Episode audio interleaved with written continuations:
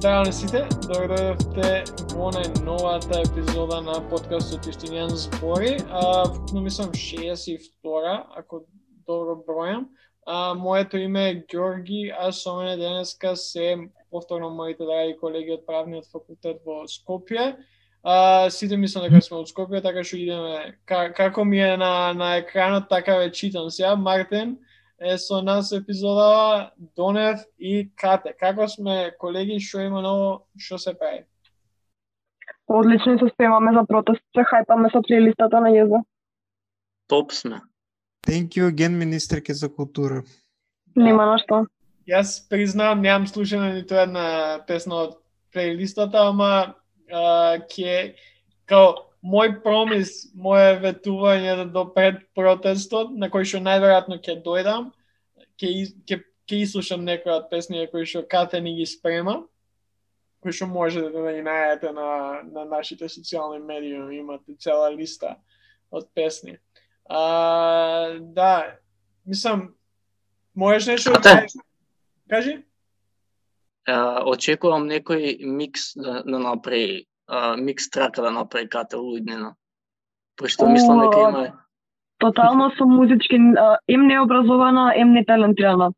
Па вака се почнува што со, со прво со плейлисти, после некој микс од, од, од сите песни ќе те биде што? Ако ме биде и за тоа, ќе, ќе ме бидува за премногу работи, не може така... Не, не. Господ на никој толку не дава. И после ја гледаш кате во некоја година на некоја јахта така.Оспеје На го. некоја приватна журка. The, the, на... the, the anti, the anti Kanye West. И плюс тоа заборавила на, на, на другарите од ИЗ, од Јустинијан збори, и си ужива на јахта, така некој таму. Она е, она е као нејзина собственост. Иначе, баш сега нели ке нели збориме за за феминизам, а, вака во, во нагорна линија во тренд се жени диџеи, баш се повеќе и повеќе сретнувам она што ги споделуваат видеа на на јахти. Една од нив е Пе, Пени Гол, така некако се вика. Да, така некако. И па еве, кате ти најдовме што ќе правиш после фак правен факултет. Препорака за тој тип на од мене Стела Боси. Сега баш ќе ја слушнам после. Со 200 и валја се читам. Најс. А, каде моје, мислам, е, Мартин спомна, с ние епизода ја правиме да малце поразговараме повеќе за историскиот значај или значење е, на 8 март е, и можеш да ни кажеш која ни е гостинка? А, гостинка денеска ми беше Јована Богдановиќ, а, со која зборавме околу некои незини активности, зборувавме генерално за феминизмот до 8 март, со значењето и слушната така ќе. Да. Мислам дека направивме доста интересен разговор, малце може мислам окей, таман епизода време трајање не е премногу, не е, не е ни, ни, ни кратка, така што ја не би должил многу, а, се префрлуваме на интервјуто, т.е. на разговорот со неа и секако кате ќе каже уште едно 3-4 пати у самиот разговор, ама се гледаме на, на протест у, у понеделник, т.е. утре пред МВР. Никогаш не е доволно пати кажано.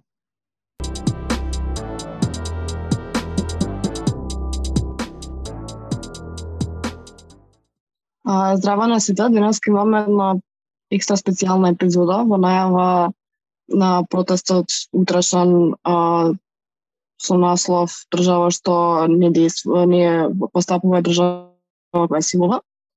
А, денеска имаме за гостинка Јована Богдановиќ. Јована можеби најверојатно ја знаете да од една герила акција која ја спроведе Дамовива, што беше на буквално сите социјални мрежи. А, ќе зборуваме малце повеќе околу феминистичкиот активизам, ќе зборуваме околу 8 март, околу самата герила акција. А, и следно што може е Јована да ми се представи. Здраво, јас сум Јована Богдановиќ, два идентитети кои што се најбитни моментално, активист и феминист за мене. Фала ти. А, кажи ми, Јована, еве да спомнавме герилката, Можеш да ни кажеш нешто повеќе што беше точно таа герила акција? Која беше целта со Аквалис и со о, да Сања? А, герила акцијата и целта на герила акцијата беше всушност молба веќе, веќе би можело да се наречи молба до МВР да почне да постапува во врска со јавна слова, бидејќи реално помена скоро цела година од првата јавна соба, уште го имаме истото, уште го имаме истото споделување на фотографии на жени со лични податоци, со дури не се толкав проблем нивните поградни зборови колку што се проблем споделувањето на лични податоци. Им ја, им ја загрозуваат безбедноста на овие жени. А та, тие жени утре, утредента може да биде нивната сестра, нивната мајка. Ако веќе не не гледате како живи суштества, гледајте се во семејството. Mm -hmm. А, оно што направивте вие за оние редки кои ја испуштија герилакцијата по социјалните мрежи, а, а, Јована и Елена застана пред МВР со а, испишани пораки од самата јавна соба, значи од групата кои се споделувале а, на нив. А, и исто така оставија кути со така наречени доказни материјали пред МВР за самиот случај јавна соба. А, герила акцијата доби огромно, огромно внимание и навистина беше една од подобрите што ги имам гледано. А, во очи на 8 март збиравме многу вакви активности. А, зошто, зошто токму 8 март? А, што го прави 8 март 8 март? А, зашто токму 8 март? 8 март поради тоа што од теден едукација, 8 март не е денот на мајката и на учителката. Едукација дека жената е многу повеќе од мајката и учителката и сите тие форми кои што нашиот патриархат ги бара од жената, сето целата таа грижлива жена која што ја бара, бидејќи жени сме и тие без деца. Жени сме и лесбејките, жени сме и, и сите кои што нема не го имаме тоа грижливо семејство кое што патриархатот го бара. Так. И 8 март бидејќи 8 март всушност жената добива најмногу внимание, ако сме реални. На колку и да не колку и да не е колку и да не е тоа внимание насочено спрема жената, туку спрема одредена улога која што патриархатот ја бара, сепак го добиваме тоа внимание. И тоа всушност овие активности се бидејќи сега ќе добијат најмногу внимание, бидејќи сега најмногу има шанса да се делува. Така. А, она што, што би сакала да го споделам вака сега ми се поклапа со темава, е, историјата ствари зошто ние мислиме дека 8 март е денот на мајката. А, за време на нацистичка Германија а, се сметало дека е многу непродуктивно да постои ден што е посветен токму на феминизм, бидејќи не се поклопувало во самата идеологија да жената биде емансипирана, да биде нели нешто повеќе од домакинка и нешто повеќе од сервилна на таквиот систем. А, и затоа уствари се флипнал на некој начин самиот празник од денот на жената и женските права во денот на мајката. Така што кога славите ден на мајката, го славите Хитлер. Ова е интересно, кога не го знаев до сега. ама, мислам, не знам сега, баш ке изгубам додека зборим, ама нема ден посебен кој што е ден на мајката, пошто знам дека има ден на таткото. Тоа повеќе американски да, американски некои денови кои што целиот свет ги прифаќа, ама постојат и такви денови кои веќе нели збориме за денот на мајката, денот на учителката што спомна Јована. Мислам дека е една од причините зошто а, треба да разговараме на ова, бидејќи кај нас не се знае за историската позадина околу самиот ден 8 март и веќе е ја лично искуство последниве неколку години која иде 8 март, се осеќам толку за никаде кое што знам дека ќе биде искористен на многу погрешен начин или на начин на кој што тие поради кој што се случува овој ден и поради кој што е толку популарен сега овој ден, а, не би го не одобриле, туку едноставно не, не го праве они за, за ова ние сега да правиме. И баш беше Така. убаво што може да поразговараме на повеќе на темава. Еве джандарите ќе делат ружи по улица, можда пак и све ќе биде окей. Чекај, знаеш што дека лани, лани ја се сеќавам да у излеав од City Mall за буквално запира луѓе на City Mall им дава, тоест запира жени возачи им дава ружи, као тоа ми беше едно нереално искуство лани, кој што сега баш кога го спомнам, као се деси пред пред мене Едно од, од побизарните работи што нашите институции ги имаат направено. Нашите институции само- се познати Да не речам компензација со мали гестови. Извини Јована, те прекинав. но- Нашите институции се познати по тоа се трудат да направат компензација за големи дела со мали гестови. Мгм. Тоа има нека тактика, пиар. Повеле Мартин, извини. А, може. А, мене имам приметено вака последните години, приметувам како се повеќе и не е, се, не е само тоа случај со 8 март, има и други празници, каде што се повеќе се осеќа тој церемонијален свечен свечено славање на самиот настан, каде што не знам, луѓето, не знам, еве и на први, еве први мај се перцепира, луѓето излегуваат, го перцепираат како како ден за идење на скара, И мислам дека фали повеќе запознавање со сршта на зошто воопшто се, се слави се слави 8 март, а и- за други празници како што е како што е 1 мај например.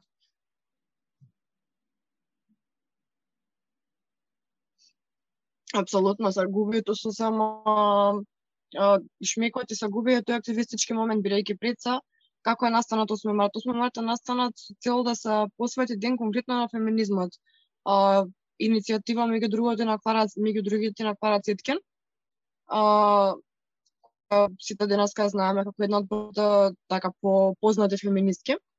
А, уствари од ден кој потекнал од комунистичката партија во Америка, а, каде што кога пробале да ги слават а, женските права на еден начин на конференција.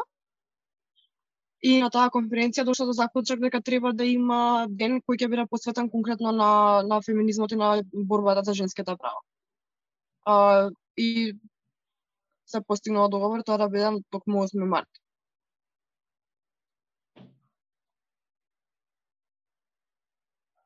Па реално едукацијата е најголемиот проблем на нашата држава. Ние немаме никаква едукација. Ако не се Океј, на страна феминизмот, на страна жените, да тргнеме од животински инстинкти. Ако не беше хера, половина млади немаше да знаат како се користи кондом. До тука е се што треба да знаеме за држава. А, апсолутно кажеме а, ева, се хвали работите на повеќе проекти во оваа насока. А, е, и, и знам дека имавте и феминистичка феминистичка слем поезија и слични активности. Можеш ли да ни раскажеш повеќе околу тоа? Па, програмата за феминистичка слем поезија а, ја водат други волонтери во Еквалис, али е, не знам, една од подобрата поезија која што имам слушнато во последно, као добри се дечките, реално. И мислам дека на добар начин се трудат да го да ја представат сликата на жената во моменталното општество, немаат некоја страшна цензура, што е реално зачудувачки во нашето моментално општество. Ние сме навикнати на цензура, ние сме навикнати на нежност, додека реално го нема тоа што е добро, бидејќи со нежност ништо не сме постигнали со цензура. А феминистичката слем поезија е една од нив. Други други проекти во врска тоест герилката друга во врска со феминизам беше носењето доказен материјал пред МВР, уште една молба да се стигне до ушите на институциите дека луѓе треба да се постапи, редно време е веќе. Така.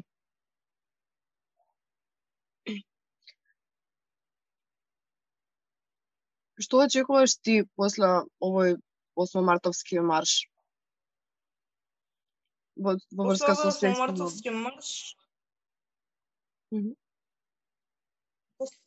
После овој марш искрено очекувам барем мало подобрување на состојбата на жената во оваа држава бидејќи реално it's the lowest of the low. Очекувам жени да не бидат бркани поради тоа што се бремени од работа, мада што претпоставувам дека имам високи очекувања. Очекувам заштита на жените од институциите, очекувам заштита на жртвите на семено насилство, место да им се каже чути сама си го бараше. Очекувам спроведување на постапки при пријавени случаи за силување, што реално се многу, али ретко кој е казнат. Бидејќи моментално се што прави држава е тоа што не силува. Реално нас државата не, не силува, поради тоа што ако некој се осудил на еден начин да силува,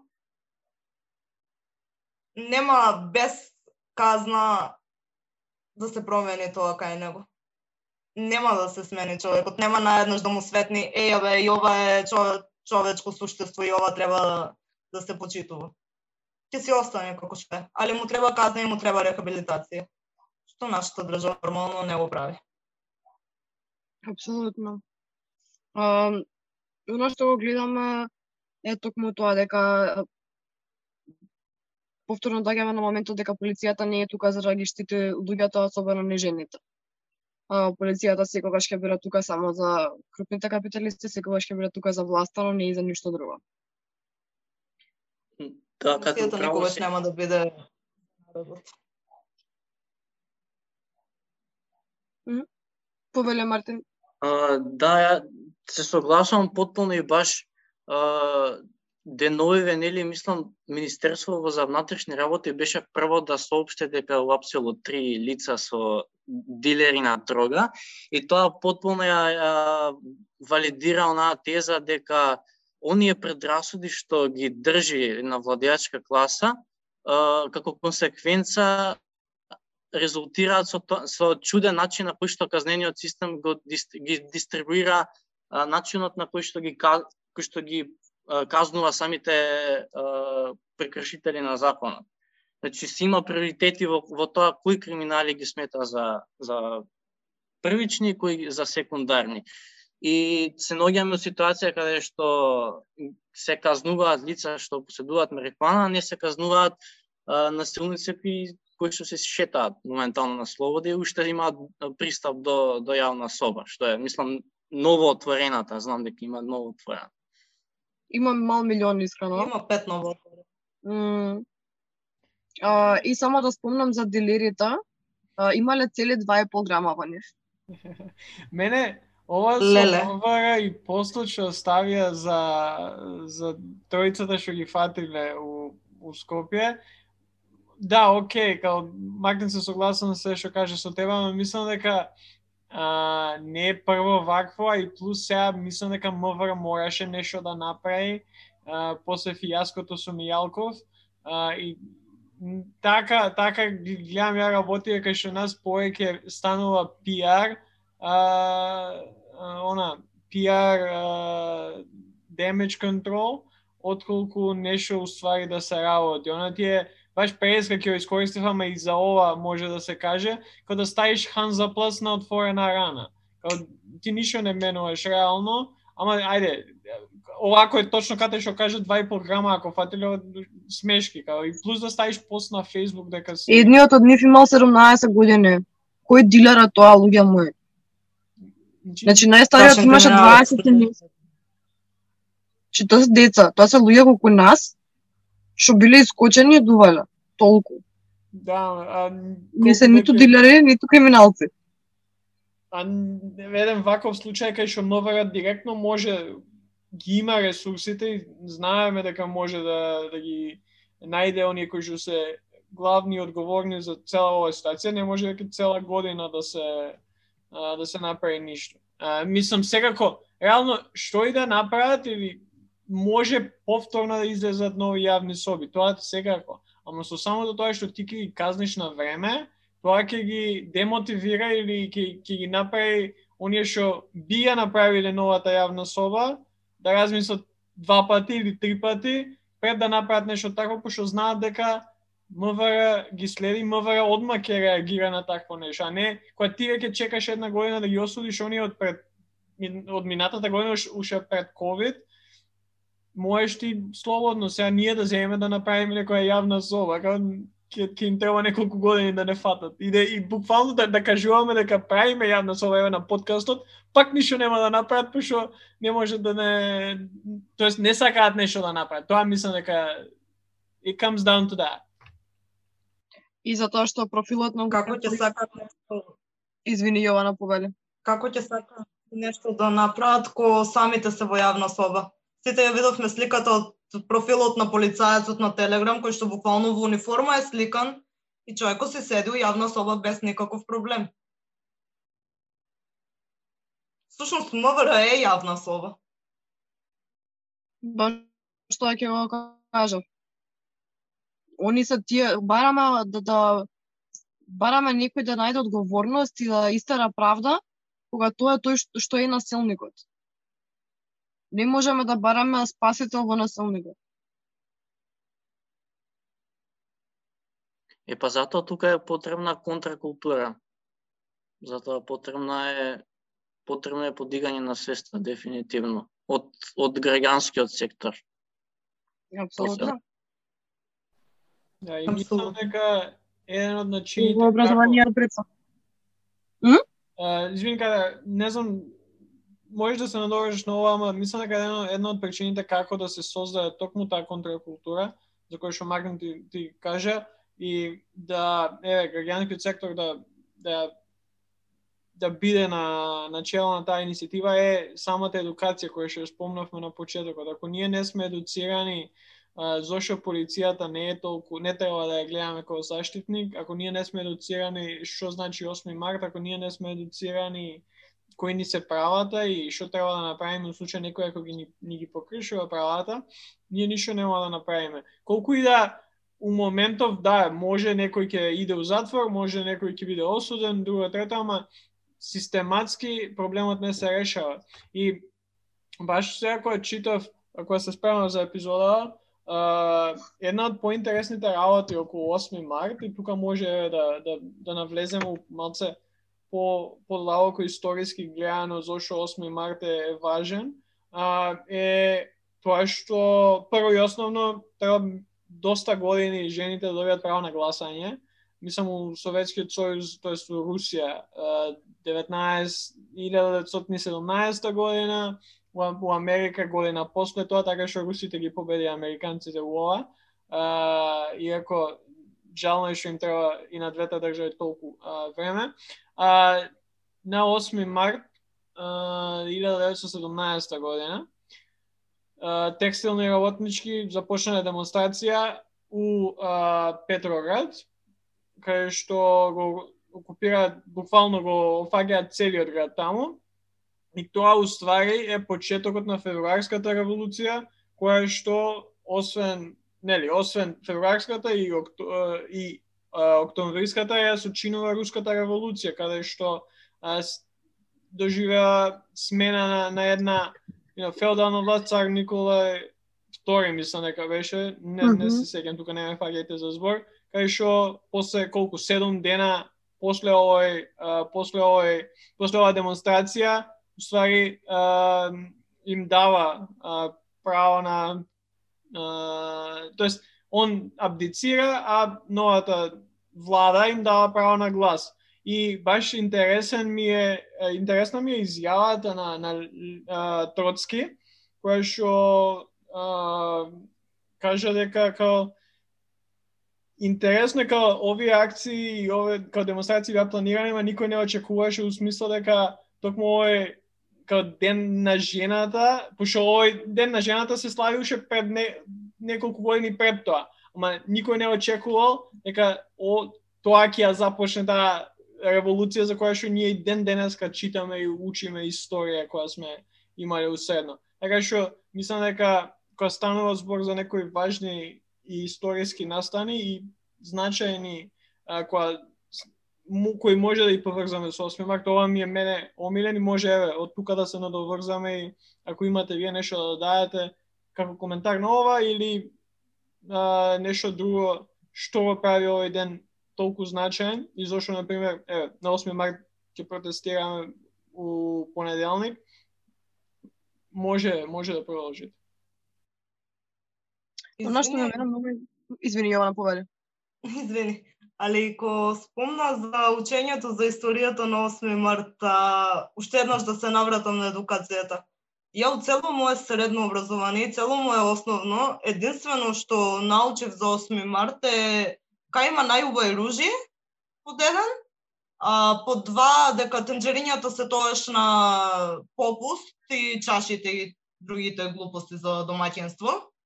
И три, единствено што два-три пати се спомна Клара Цеткин, тоа е тоа. Она што највеќе ме нервира беше тоа што спомна тенџерињата се на попуст фиксно. А, толку антипатриархален празник се буквално се прави во алатка на патриархатот. Да. а, се флипнува, е, денеска цел ден гледам, не знам, giveaways, а, дали попусти, глупости, 350 идиотски работи, као у смисла сет тенџириња за вашата мајка, баба, што и да е. А, подарете и а, персонализирана тава на вашата најмила. Не можам да, да си го простам тоа и буквално особено кога го гледам од а, брендови кои се промовираат дека се општествено одговорни или нешто слично, ми е толку одвратно, толку неподносливо, толку чисто капиталистички, што ме вади од кожа. За празник што е буквално толку антикапиталистички и антипатриархален. Мислам дека да направиме само дистинција да не као оние што не слушаат да не да не не сватат погрешно или барем еве мене да не ме сватат погрешно. Као не мислам дека оние кои што оние жени кои што нели прават фризури или да у кафани кои што тие као им го имаат сето тоа право да направат тоа. Проблемот е што прво и основно никој од помладиве генерации па и постари не знае зошто се слави 8 март и проблемот се компаниите и целиот капиталистички систем кој го стимулира сето тоа за да направи профит. Нив не име као Апсолутно. ние не ја не би имал ништо против ако еве не знам некој од компаниите ги едуцира тие што ги следат на социјалните медии, па пошто тоа сега сите компании нели општествено одговорни ти што каже кате, а после може да продаваат тенџериња и, и да на попусти колку сакаат. Ама едукацијата е многу повеќе потребна, а мислам, секој како си ја сака да си ја слави, може да си ја слави, тоа не е проблем. Проблемот е немаме едукација и капитализмот уште толку не а, не гнете сите. Као не само жените, туку сите буквално во општеството. Апсолутно. И во тоа тоа ми беше пои- поентата дека едноставно патриархатот и капитализмот како неодвоеви се само одржливи. А се само одржливи преку ваквите механизми. А, никогаш индивидуалецот не е крив во овие ситуации. Да, јас кирам у кафана со другарките на 8 март. А при тоа кирам на протест и нема да купувам од тие наводно обштествено одговорни фирми и слично или веро да ми продава 3 за 100 ружи. Затоа што никогаш нема да го подржувам тоа.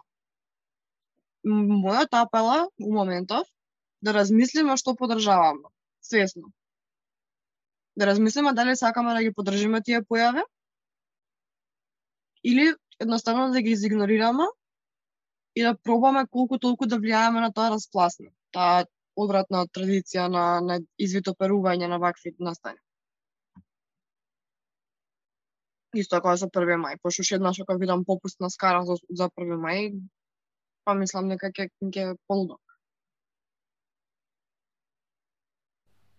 Да, што мислите за како е а, Мартин ова го спомна уште на почетокот, ама а, и донев секогаш го користи изглед пер, перформативна а, или како беше пер, перформативен активизам. А, што мислите за таков кога станува збор е поготово за 8 март, ама и за други некои а, и за други некои празници, ова директно може да се поврза и со они обществено одговорни компании што како што не нарече кате, а, ама што мислите тај тој е некој перформативен активизам кој што сите се сега ин у као е 8 март претходно што беше за мислам лани кога се дешава протести во Америка као сите се Black Lives Matter а, 8 март се сите може ќе стават по некој цитат од Клара Цеткин или Роза Луксембург или нешто така, уствари ништо а, ништо не сменува. Што мислите околу сето тоа? Баш ми е интересно. Еве, Кате и Јована, вашиот некој став околу ова, пошо мене ме нервира, иако знам дека оке, као не не како ништо лошо, ама на крај на денот ме нервира пошто ништо а, ништо не ми текно се зборот на македонски, ама sub, substantive не се не се менува, како ништо суштински не се менува. Искрено не мислам дека не е нешто лошо. Е нешто лошо, поради тоа што тука веќе Океј, сите ќе го видиме тој цитат и океј, некои од нас ќе истражат малце понатаму, некои ќе се внесат, али ќе има голем дел што ќе го видат тој цитат, ќе го шернат и тоа ќе е тоа. Кам тоа ме нервира што буквално се останува на некој си цитат, буквално за да се остане на тоа. И тоа тоа дотаму завршува работата, као нема ништо понатаму, нема ништо подлабоко навлегување во тоа, нема никаква едукација и нема ништо менување всушност, бидејќи што менуваш ти со еден цитат од Луксембург или од Сетки, ништо.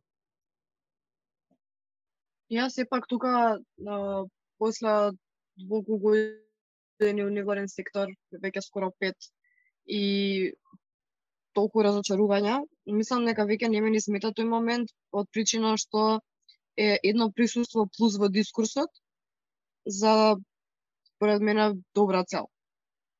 И не ме нервира искрено затоа што болја ми е да, да го има барем тој еден цитат, него ни еден. Затоа што и тој еден мора да почне. Мора да се почне од негде и дури и таа особа што ќе остане на тој еден цитат, тој еден цитат може ќе го видат на негово стори уште 10 души може ќе ги заинтересира.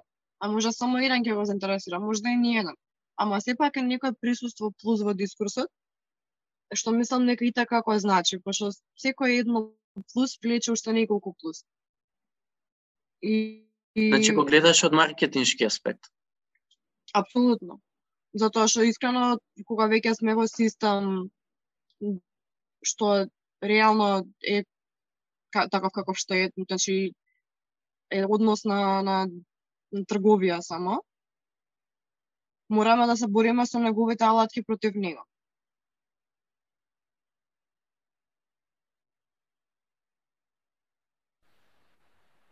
Ја, мислам дека ја, ја до некаде таму идам.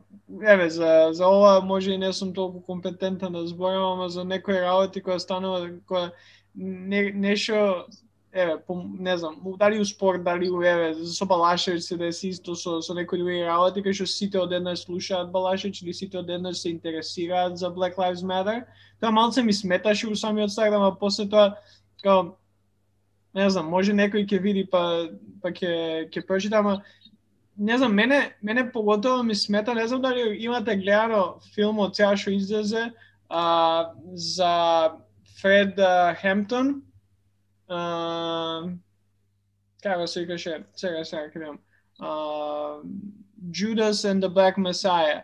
Uh, Фред Хемптон е еден од uh, лидери кои што фигурираат uh, таму некаде 60-тите години uh, Black Panther и филмот е солиден, ама мислам дека е уште еден начин како Холивуд и како мейнстрим културата се обидува да да да ги прикаже не знам, еве во овој случај а, луѓе или важни важни историски ликови од 60-тите години поврзани со граѓанските изборувањето за граѓанските права на афроамериканците, на некој начин да не идат толку многу нивната идеологија, као не зборуваат за тоа дека овој бил марксист или не не навлегуваат зошто ги правил тоа што го правил, туку го представуваат на некој начин као револуционер, може да добиеш, не знам, малце дека биле и терористи или било што, ама, ама не навлегуваат у тоа што е суштинското, мене тоа највеќе ми смета. Која,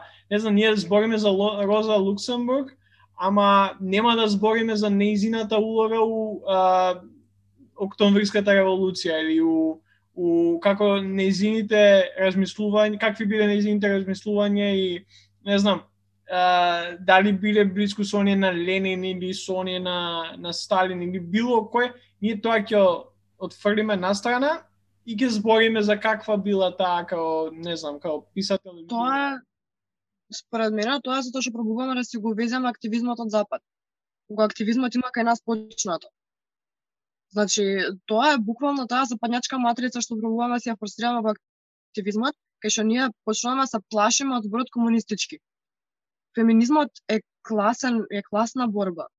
Феминизмот не може да биде десен. По дефиниција. И мораме да прекинеме да ги гледаме сите тие феминистички фигури како било што освен феминисти и комунисти. Затоа што и тоа биле. Е сега, со тоа што буква имаме си ги увезуваме сите трендови од запад, мислиме дека само така можеме да го да имаме некој а, ефективен активизам, што е апсолутно неточно, затоа што секој активизам мора да биде приспособен на самото подрачје, значи на самиот менталитет на културата. И ние и како имаме плодна почва за многу оригинален активизам.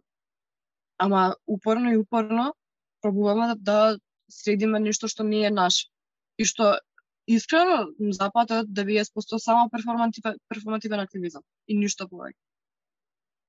Колку и да не ме нервира во крајност самиот перформативен активизам, ама кога е единствен е многу голем проблем. Јако се согласувам со Кате и да, стојам во целост за тој став. Можам да го разберам од аспект на маркетинг.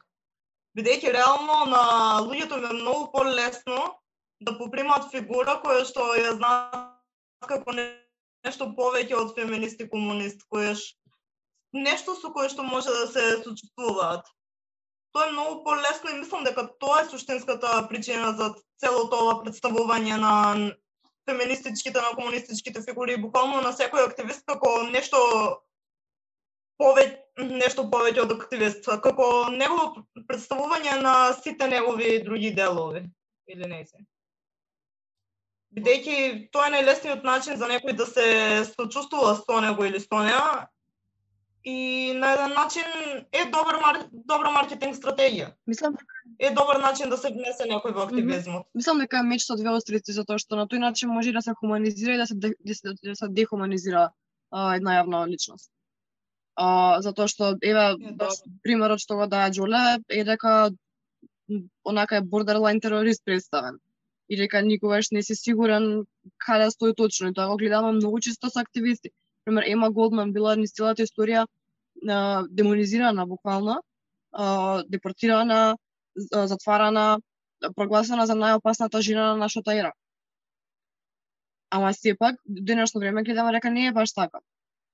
Да. ова што спомнавте, као, еве, некој нема, као не ќе да збори за Роза Луксембург, Клара Цеткин или целата еве, револуција, која станува збор конкретниот случај, поради тоа што мора да, тоест, треба да ги искористат оние dirty words, као лоши зборови што постојат, што се комунизам, социализам. Дали мислите дека ако почнуваме еве со едукација, треба прво да, да ги едуцираме луѓето што значи да бидеш социјалист и што е комунизам, во ствари? Шо... Сите овие работи се неодвоиви едно од друго. Ако учиме за феминизам, мораме да ги учиме и овие работи. Затоа што феминизмот е политичко движење еднакво како овие. А, мора тука, тоа тоа е склоп, значи, од граѓанско образование. Тоа што нас не фали во оваа држава е едно квалитетно граѓанско образование. Иначе ја размислав за ова што велевте дали е а, во, однос на тоа дека некои а, луѓе можеби се хипокрити па споделуваат едно или пак а, или пак не се хипокрити, ама не го практикуваат тоа што го споделуваат или не се доволно а, не се доволно едуцирани на таа тема и мислам дека мал, малце нереално да се очекува секој да биде. Мислам тоа би, сам, би се согласил дека секој да биде активист. Мислам дека а, се филтрираат луѓето без разлика мажи и жени кои што се активисти ќе ќе се занимаваат е, како главно занимање тоа и ќе им биде главна животна мисија.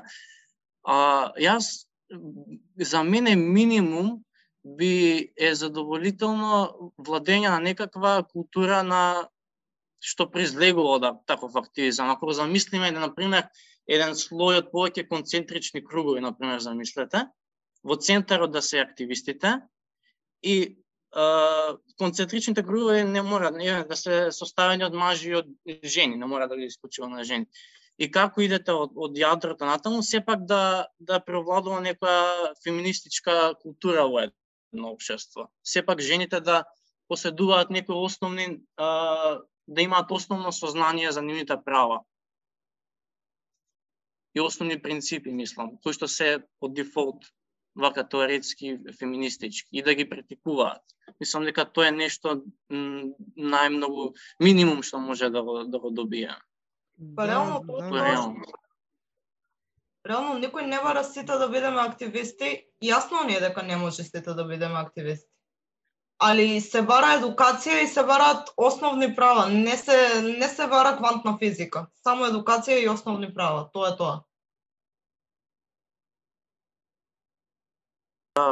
Се согласувам тотално. Да, као друг, друг момент кој што мене ми интересира чисто од може би као дискурзивниот елемент и акцијата и реакцијата на на системот именно тоа што вели Мартин во однос на препознавање на феминистичките нишки и имплементирањето на тие на тие размислувања едноставно као за да дојде до тоа треба да се да дојде до момент на пре, на, на морално преиспитување на нацијата каде што каде што едноставно дискурсот ќе се ќе се преиначи кон кон деконструкција и буквално соголување на системот со целата негова декаденција за да почнеме да размислуваме како што после тоа нели како која е која е точката после а, после овој момент, така што мислам дека јавна соба како баш е таа манифестација општествена појава каде што може да се да се бара а, да се бара тоест да го предизвика системот, да изврши негова деконструкција и да бара морално преиспитување на нацијата кој што нели не се само активистите тука, тука е нели интелектуалната елита, академската заедница, сите а, граѓаните. А, така што а, мислам дека барем роли, за мене ролята на активистите е баш а, да ги зимат појавите како што се а, јавна соба и да бараат од нацијата да се преиспита. Нели, пример, а, неповрзано со ова, на коалиција и маргини, пример, ја како активистичка организација, обелодени а, нели, што е грешка во книгите на а, од а, каде, од филозофскиот факултет и сега како активисти барат а, барат да се приспита како ние сушност ги пишуваме тие книги. И нормално не можат они сами да го истерат тој процес, тука е потребно инпут од од буквално сите ни, други нишки на општеството, особено во нели во специфичен случај тоа е академската заедница. Нормално, актив, ако активизмот не е интерсекцијски, онда ништо. Пиши пропало. Ја имам едно прашање баш за Јована.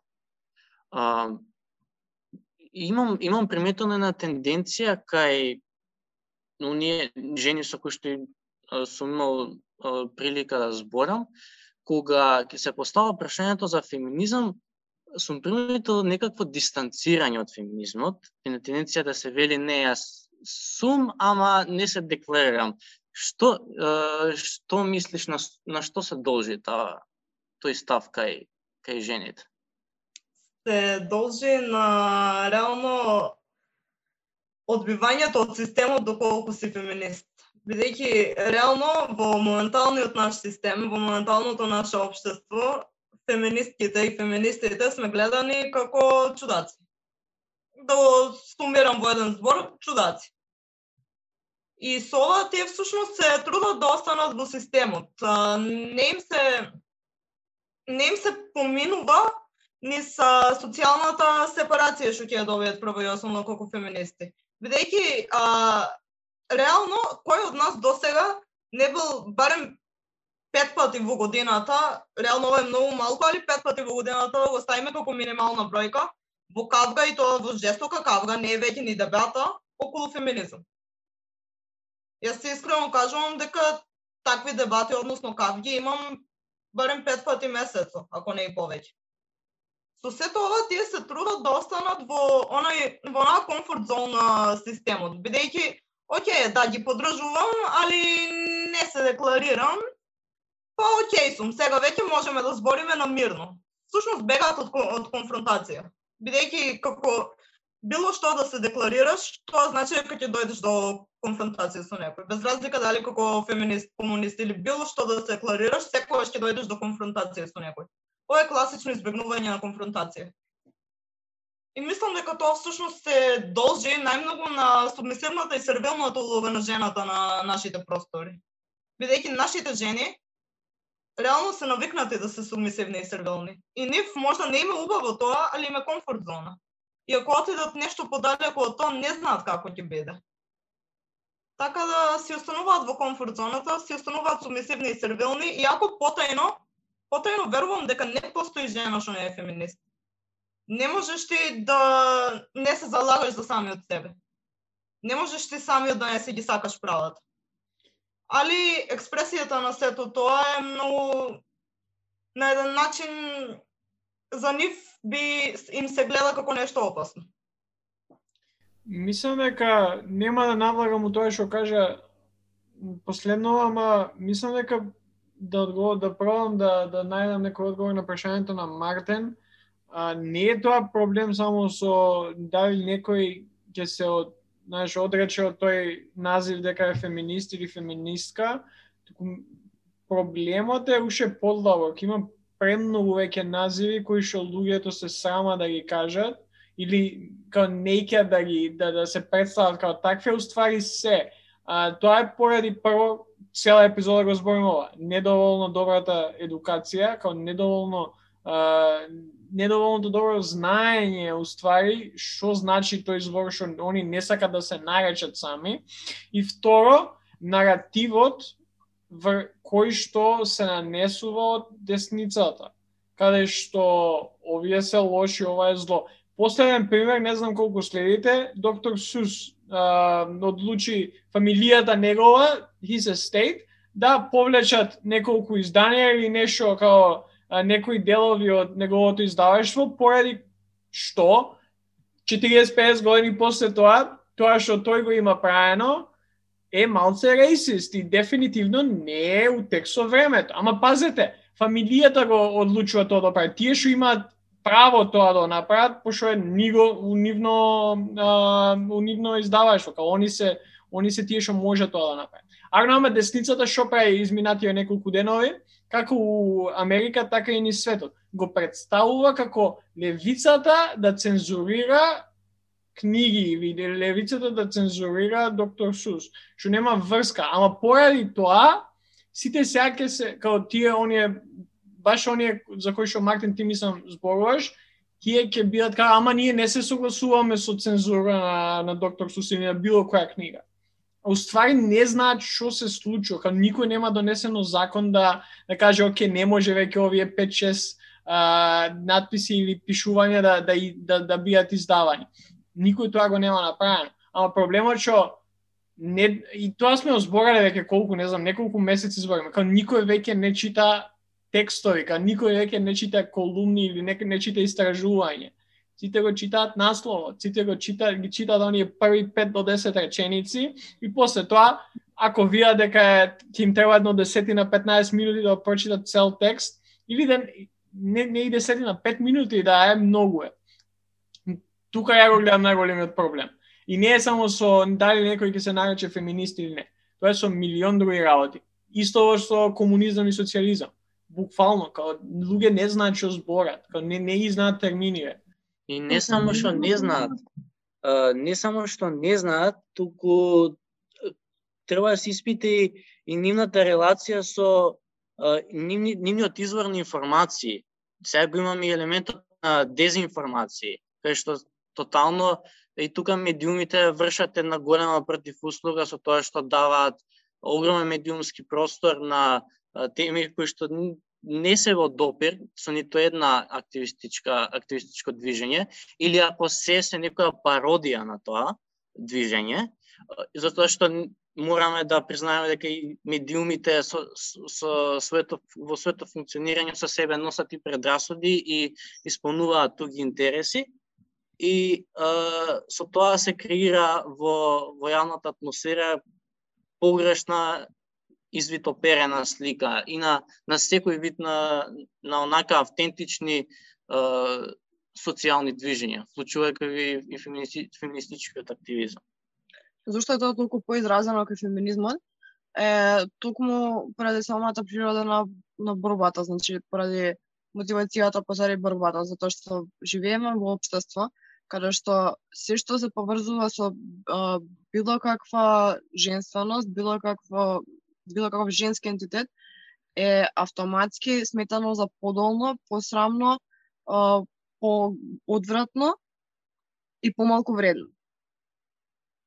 А, зошто постојано кога сакаме да направиме пародија од маж го споредуваме со жена? А, зошто кога зошто форсираме меве меѓу жените тоа интернализира интернализиран сексизам колку пробуваме да се трудиме да бидеме one of the boys затоа што сме учени на тие практики дека е срамно и долно и помалку вредно да се биде жена. Следствено, феминизмот е една екстрема на тоа, каде што го гледаме уште повеќе. Не, ја не сум феминистка, не сум како ние лудина со фарбани на коси, сега да се дирам другом, сте други ме бират криви за што ми се дешава мене да системот ти е крив зашто ти се дешава тебе. Системот ти е крив зашо машти може да те во дома и системот ти е крив зашо не можеш да земаш породилно и зашо работодавецот те праша дали планираш да раѓаш.